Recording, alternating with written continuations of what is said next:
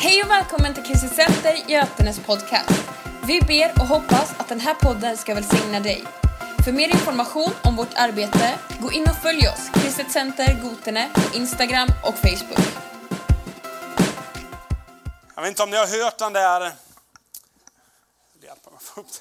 eh, historien om de där eh, skoförsäljaren som skickade två av sina säljare till Afrika. Denna fascinerande kontinent. Eh, de skulle dit för att reka marknaden och se om det finns någonting eh, att ge så att säga. Och eh, de åkte dit båda, båda två och undersökte. Och så kommer de hem och de här två levererade två helt olika besked. Den första han säger, det här kommer aldrig att gå. Afrika är rena liksom fiaskot. Det är ingen som använder skor. Det finns ingen marknad. Vi bara lägger ner det. Det är en hopplös situation. Den andra säljaren kommer hem och är helt entusiastisk eld och lågor och säger Afrika är världens marknad. Ingen använder skor, alla behöver det. Och du vet, någonstans så får man välja sig, vad ser du?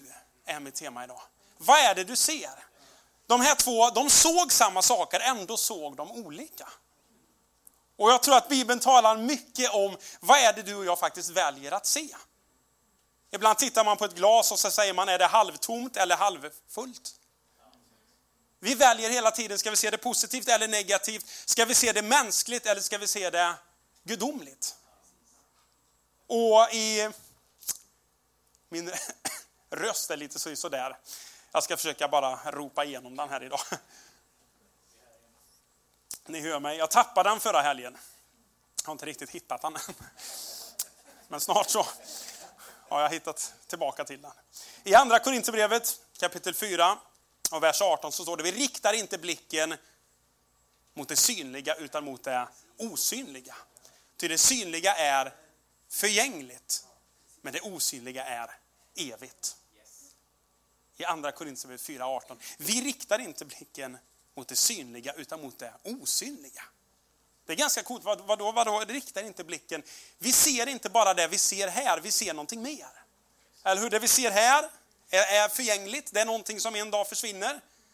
Men när vi riktar blicken mot himlen så är det någonting som faktiskt är evigt. Som alltid kommer att bestå, som alltid finns där. Och vad väljer vi att se? I Romarbrevet kapitel, jag ska ta två ord här. I Romarbrevet kapitel eh, 8 och vers 24. Romarbrevet 8. Eh, vers 24 och vers 25.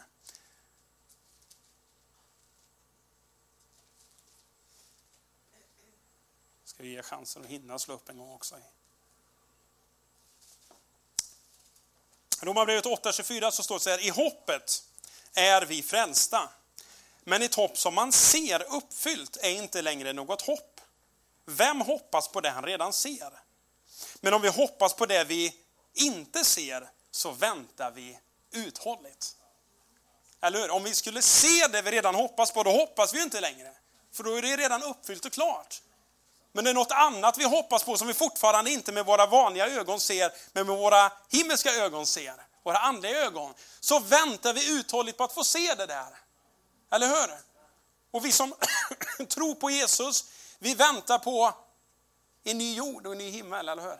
Vi väntar på en evighet tillsammans med Jesus. Hade vi sett det så hade vi inte hoppats på det. Men nu när vi ser det, någonstans långt borta, så väntar vi uthålligt på att det faktiskt en dag kommer att bli sant. Och jag har en utmaning till dig idag, jag tror att det är en fråga från himlen som säger, vad ser du för någonting? Vad är det du väljer att titta på? Vad låter dina ögon se?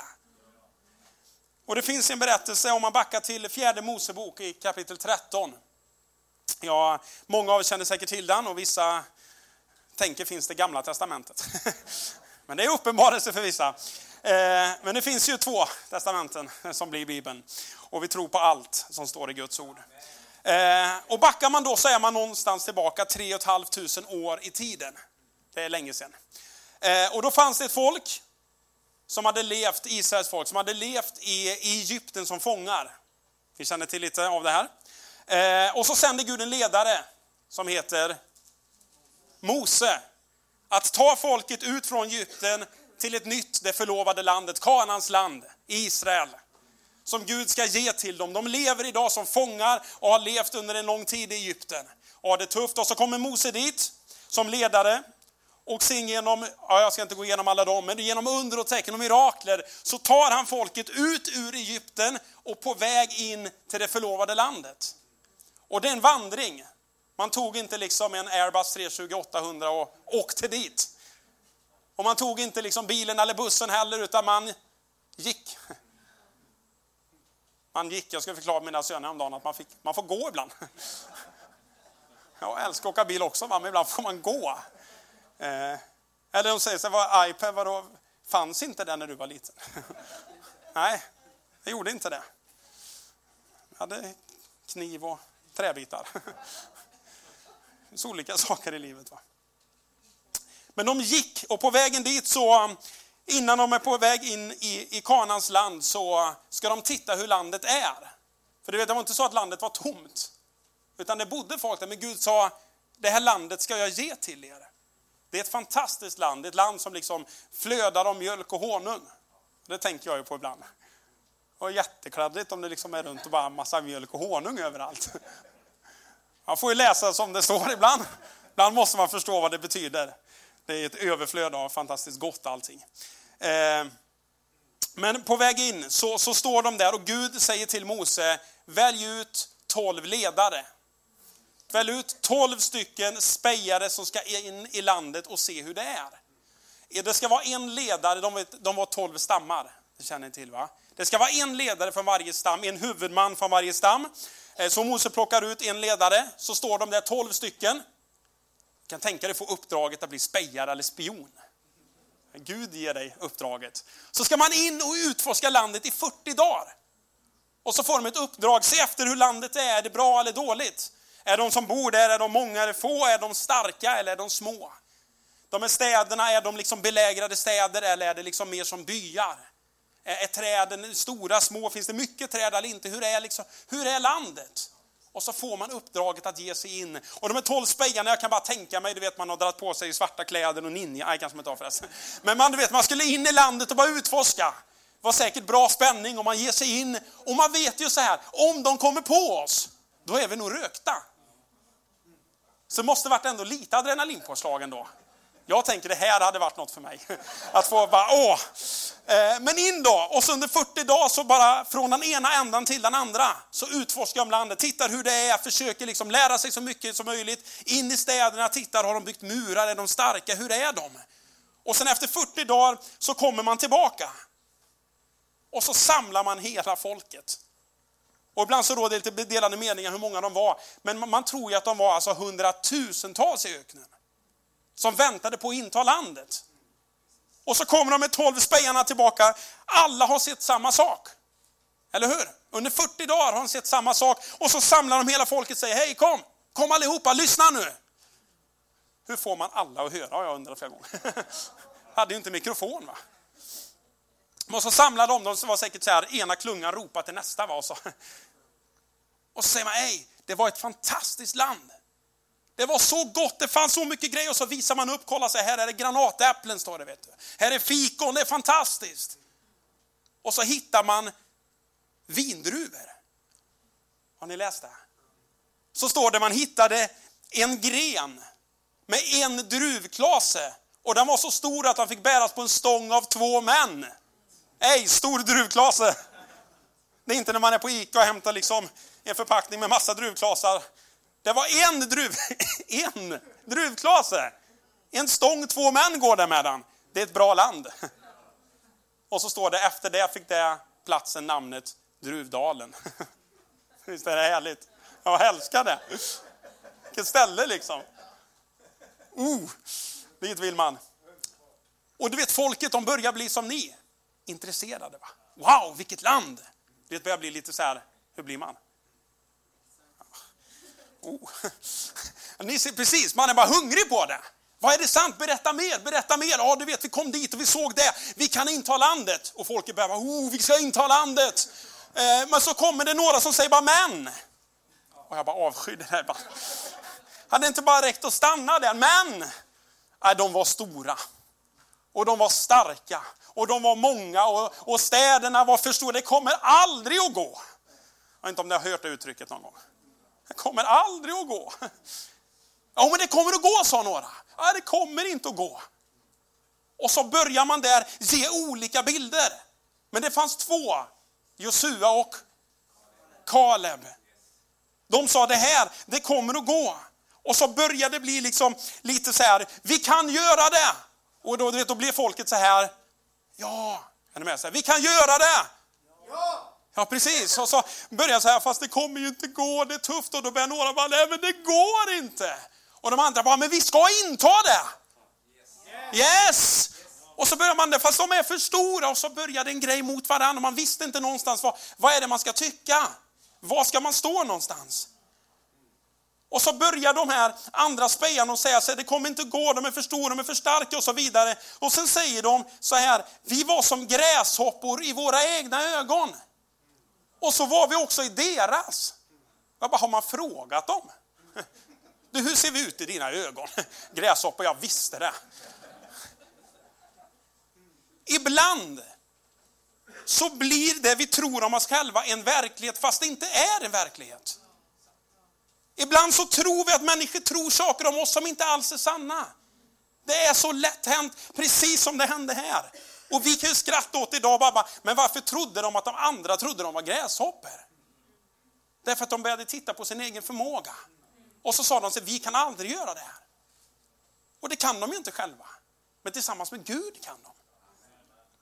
Men så många gånger så kan vi också hamna i situationer där vi tänker så här, ja men vi som kristna, vi är väl ingenting. Nej, oss själva är vi ingenting. Och så tänker vi, men samhället tycker nog inte om oss. De andra kyrkorna tycker nog inte om oss. Nej, ingen tycker om oss. De räknar oss nog inte ens som kristna. Vad är det? Det är när vi börjar bli lite självömkan och så börjar vi se på vår egen förmåga, vad vi kan, vad vi har. Vi har ingenting. Och så vänder vi på oss och säger, men vad har Gud sagt? Vi är den levande Gudens församling, eller hur? Han har sagt till sin församling, ni är över och inte under. Är ni med? Ni är huvud och inte svans, ni är framför och inte bakom. Vilka är vi? Så vi är den levande Gudens församling.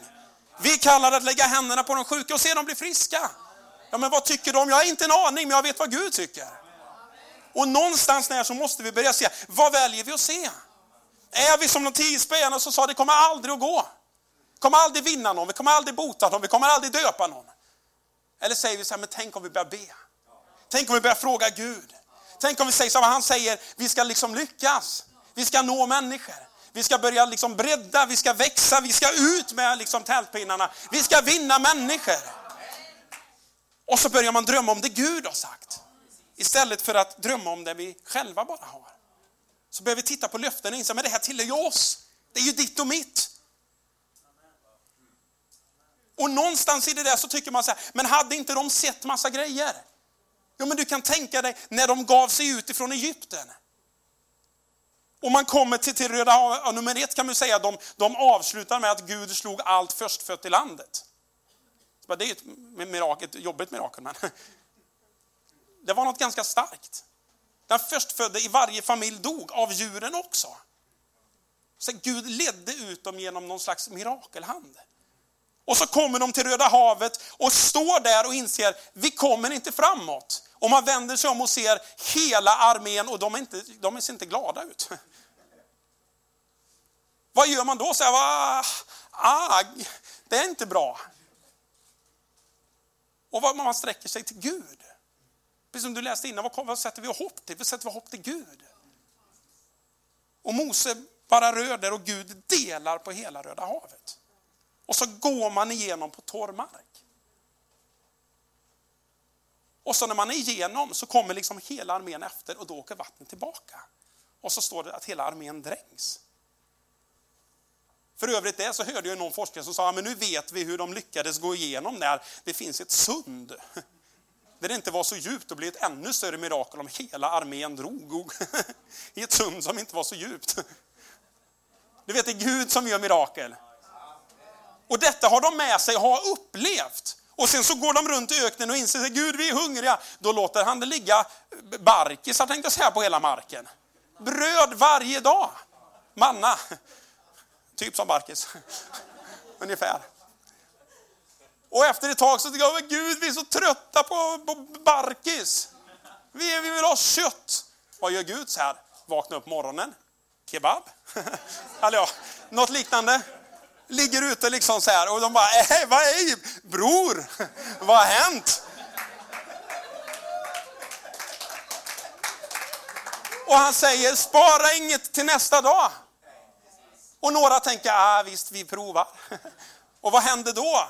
Det blir problem. Varför då? Därför att de litar inte på Gud. Som säger varje dag, jag kommer förse med allt vad ni behöver. Och detta har de med sig Jag har inte riktigt sett de grejerna. De har sett hur ett hav delas och gått igenom. De har sett hur havet gick igen och dränkte armén. De ser hur det ligger liksom mat på marken. Och de kommer till ett ställe och säger, Ej, vi är så törstiga. Moses slår på klippan, det kommer ut vatten ur klippan. Så det här är starka mirakler. Ändå säger de nu, jag kommer inte att gå. Och man tänker, hallå, vad har ni sett och varit med om? Men vad lätt det är att glömma. Vad lätt det är när man inte skriver ner eller påminner sig om vad faktiskt Gud i forna tider har gjort. Och så blir det så här, men idag vi känner oss ensamma, ingenting. Men hallå, stanna upp, se på vem Gud är. Och jag tror att det var det som Josua och Kaleb försökte göra. Ej, hallå, kommer ni inte ihåg vad som hände när Gud liksom ledde oss ut, när vi gick i öknen eller vi kom till det stället med det bittra vattnet. Vad hände då? Att vi kastade någon träbit i och så blev vattnet sött. Bara, är det något mirakel eller? Ja. Han gör helt liksom så övernaturliga grejer. Ändå så fastnar man och säger det kommer nog inte att gå. Och så fortsätter det här när, när Mose eller när Josua och Kaleb säger vi ska inta landet. Och de andra säger det kommer inte att gå, vi ska dö. Och så börjar de liksom sätta sig upp och säga det hade varit, det var bättre förr. Har ni hört den? Och så helt plötsligt så börjar man försköna bilden av hur det faktiskt, det var inte bättre förr.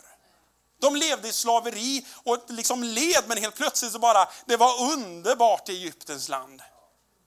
Och så säger de till och med så här, jag tror vi väljer en ny ledare som tar oss tillbaka. Och jag tänker bara, bara hallå?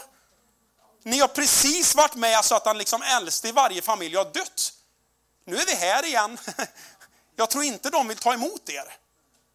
Eller när ni sprang ut och hela armén dog, ska ni gå tillbaka och säga, vi stryker ett streck över det som har varit. Det var ju ändå bra i Egyptens land. Men vad lätt det är att man hamnar och så börjar man bli lite nostalgisk och tänker, det, det var så bra det som var innan. Och jag säger inte att det som var innan var dåligt, för det har varit fantastiskt. Men det är så lätt ibland när man stannar upp och lever i något som är lite obekvämt, att man börjar titta tillbaka och säger, det var faktiskt bättre då. Fast det egentligen inte var det. Och mitt i allt det där, när de står där så, så säger Josua, Kaleb och även Mose och Aron, landet är mycket gott, Herren ska ge det till oss, var inte upproriska. Frukta inte för folket, de kommer bli som en munsbit för oss. Gud är med oss, han är inte med dem. Låt oss inta landet. Men vet du, folket de vägrade lyssna på vad Josu och Kaleb sa, istället så ville man stenade dem. Och vet ni, på grund av det så kunde inte folket inta landet. På grund av att de inte trodde Gud så fick de vandra ett år för varje dag de var i landet som straff i öknen. De var 40 dagar och bespeja landet, 40 år. Kan du tänka dig 40 år fick de vandra omkring i öknen tills de som då var 20 år och äldre alla hade dött. Gud sa ingen av de mönstrade som är 20 år och äldre ska få gå in i landet. Ingen förutom Josua och Kaleb. För i Kaleb fanns en annan ande. Han har i allt följt och gjort det jag har kallat honom till. Och jag bara älskar det. Och vilken ande är det vi har? Är det den som säger, du har i allt följt och gjort vad Gud har kallat dig till? Eller låter vi den andra anden som säger, det går inte, man ser på sin egen förmåga, sina egna grejer. Är det det som styr oss? Alla tolv spejarna hade ju sett samma sak. Alla hade ju upplevt samma grej.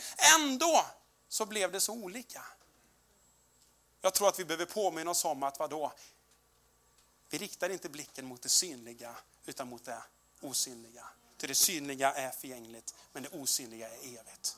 Och vi riktar blicken mot en himmelsk Gud som har förmågan att göra så mycket mer än vad vi någonsin kan göra. Alla upplevde samma grejer, alla såg samma grejer, ändå såg de någonting annat. Och jag skulle önska att vi ibland skulle se med andra ögon. Jag skulle önska att vi ibland du vet, vågade be och, och någonstans säger Gud, öppna mina ögon så att jag ser. Inte bara det mänskliga här, utan jag ser in i andevärlden. Jag ser vad, vad, vad roten är till problemen, jag ser vart möjligheterna är, jag ser vad du kallar oss till. Det sägs om, jag vet inte hur mycket av det som stämmer, men när David John Gishu började sin tjänst, han, eh, var, han var, grundade en av världens största församlingar i Sydkorea. Eh, och när han började så satt det bara, jag tror han var typ sju stycken damer eller någonting, som han predikade för för, nu vågar jag inte säga hur länge sedan det är, men för bara x antal år sedan så var de typ 800 000 medlemmar. Eh, en av världens då största församlingar. Eh, men när han predikade så, så undrade de varför han ropade så högt. Vi är ju bara sju här. typ. Och han sa, när jag predikar så ser jag inte sju, jag ser tusentals. Och jag bara älskar den där grejen. För vi kan titta på det mänskliga och tycka, men det är det här som jag ser, det är detta som finns. Absolut, men det finns någonting annat. Och vi behöver öppna de ögonen och våga se och våga drömma det Gud ger till oss. Inte att vi springer i egen kraft och bara målar upp någonting, utan att vi stannar upp och säger Gud, vad är det du vill visa och vad har du för oss? Och våga kliva ut faktiskt och gå på vatten. Jag läste igår om, eh, ni vet Thomas Edison, som uppfann Glödlampan. Telefonen var Bell va? Eller? Ja. Någonstans där. Han tog patent på, på glödlampan, det finns det lite olika meningar därom. Men jag läste att under sin livstid så tog han 1093 olika patent på saker. 1093 olika patent. De flesta av dem blev ingen succé. Det är typ så här glödlampan och eh, eh, fonografen som han liksom, som är de stora grejerna. Och då läste jag så skönt för då sägs det att han sa så här, jag har inte misslyckats 10 000 gånger. Jag har lyckats hitta 10 000 sätt som inte fungerar. Och du vet, det där, jag bara älskar den grejen. För jag läser en bok just nu som handlar om att, att ibland så här, kvantitet skapar kvalitet. Och då säger han så här, vilka är det ibland tror vi människor? Att, att, att, att det är perfektionisterna som lyckas. Men han säger, tittar man historiskt så är det de människorna som har bara gjort samma grej om och om igen och gjort hur mycket misslyckanden som helst, till slut lyckas göra en grej. Så läste jag om, det var Picasso. Och så var det så här, han var aktiv i 70 år. Och så tänkte man, hur många eh, liksom så här, konstverk gjorde han under sin livstid? Och det var någon som, som gissade på x antal hundra. Jag tror det var så här 30 eller 50 000. Och det var ju så här, i snitt två per dag under 70 års tid, varje dag utan uppehåll. Man bara, va? Och sen, några av dem slog igenom. Men han bara nötte samma grej om och om igen. Vilka är det som gör mest mål i fotboll? De som skjuter flest gånger. Eller hur? Och någonstans ibland så tror jag så här, vi behöver bara våga att, att se saker på rätt sätt. För ibland så gör vi ett misslyckande och så tycker vi nu vill vi inte mer och så gräver vi ner oss. Men vet du vad, gör det en gång till. Gör det en gång till. Och någon gång så blir det rätt. Jag predikade för, för ett år sedan, eller om det är två, om en predikan som heter Fortsätt trampa. Och jag sa en av de viktigaste grejerna, det är när man ramlar och när man cyklar. Det är om man inte sätter sig upp och börjar trampa igen. Det djävulen, han, han, han, han är livrädd för att vi ska fortsätta. Han vill att när du syndar eller gör ett misstag eller faller, att du ska ge upp. Men vet du vad? Gud är inte rädd för att vi syndar eller misslyckas. Han är rädd för den dagen vi säger, jag kommer inte fortsätta. Och du vet, där ligger utmaningen i våra liv också. Inte att vi failar någon gång, utan den gången vi inte fortsätter och reser oss och säger, vet du vad, jag kommer trampa i alla fall. Jag kommer fortsätta i alla fall. Och låt oss inte se de sakerna som bara misslyckanden. Låt oss vända och se som en lärdom av någonting vi inte ska göra nästa gång. Eller hur? Låt oss se rätt saker, låt oss välja att se på det som Gud har kallat oss att se på. Hebreerbrevet 12 kapitel 2 och 3 säger, och låt oss ha blicken fäst på Jesus. Trons upphovsman och fullkomnare som istället för den glädje som låg framför honom valde att utstå korsets lidande och inte bry sig om skammen och som nu sitter på högra sidan om Guds tron. Tänk på honom, annars tappar ni modet. Tänk på honom. Låt oss ha blicken fäst på vad då? På Jesus. Låt oss se på honom. Och ibland så tänker jag på, på Petrus när han steg ut ur båten och gick på vatten. Han gjorde det som fysiskt sett är omöjligt. Han började gå på vatten, men det går inte, säger du. Precis, han gjorde det i alla fall. Och det gick okej, okay, vadå? Så länge han såg på Jesus. Men så började han titta på omständigheterna. Nej men det är ju höga vågor, jag gör ju något jag inte kan och så börjar han sjunka. Och Jesus säger, så lite tro du har. Så uppmuntran. Men så länge han hade blicken fäst på rätt saker så gick det. Det som mänskligt sett inte går att göra gick i alla fall. För att han vågade att ha blicken fäst på Jesus. Vet du vad en utmaning till oss idag är? Vad är det vi ser på? Vad är det vi väljer att titta på? Vad tillåter vi att våra ögon fästs på? Bibeln uppmuntrar oss och säger, och låt oss ha blicken fäst på Jesus. Och låt oss tänka på honom. Låt oss inte sluta, låt oss bara se på honom. När det blir som tuffast, vad gör vi då? Då bara lyfter vi blicken. När människor säger det kommer inte gå, så bara lyfter vi blicken. Och det måste inte vara någon här hypad grej, det måste inte vara någon vi ska, säga, vi ska få fram en känsla. Nej, vi bara stannar upp och så bara ser vi på Jesus istället. Så bara beundrar vi honom. Så bara tackar vi honom för den han är. Och när vi gör det så händer det någonting på insidan. Varenda gång. Jag påminns för mitt eget liv så många gånger ibland man tycker så här, ja, men jag, jag borde be mig, jag borde läsa mig, jag borde lovsjunga mig, jag borde predika mig, jag borde med. Och så till slut så tappar man nästan det egna med Gud och så går jag ut en sväng och så säger jag, Gud vad hände nu? Så säger han, det är ju det här. Just det. Så enkelt det var att bara komma till Gud. Och så bara kalibrera om och så ser man på honom. Inte på andras förväntningar, inte på vad andra ska tycka, inte på vad andra ska säga. Utan så bara lyfter man blicken och så tittar man på Jesus.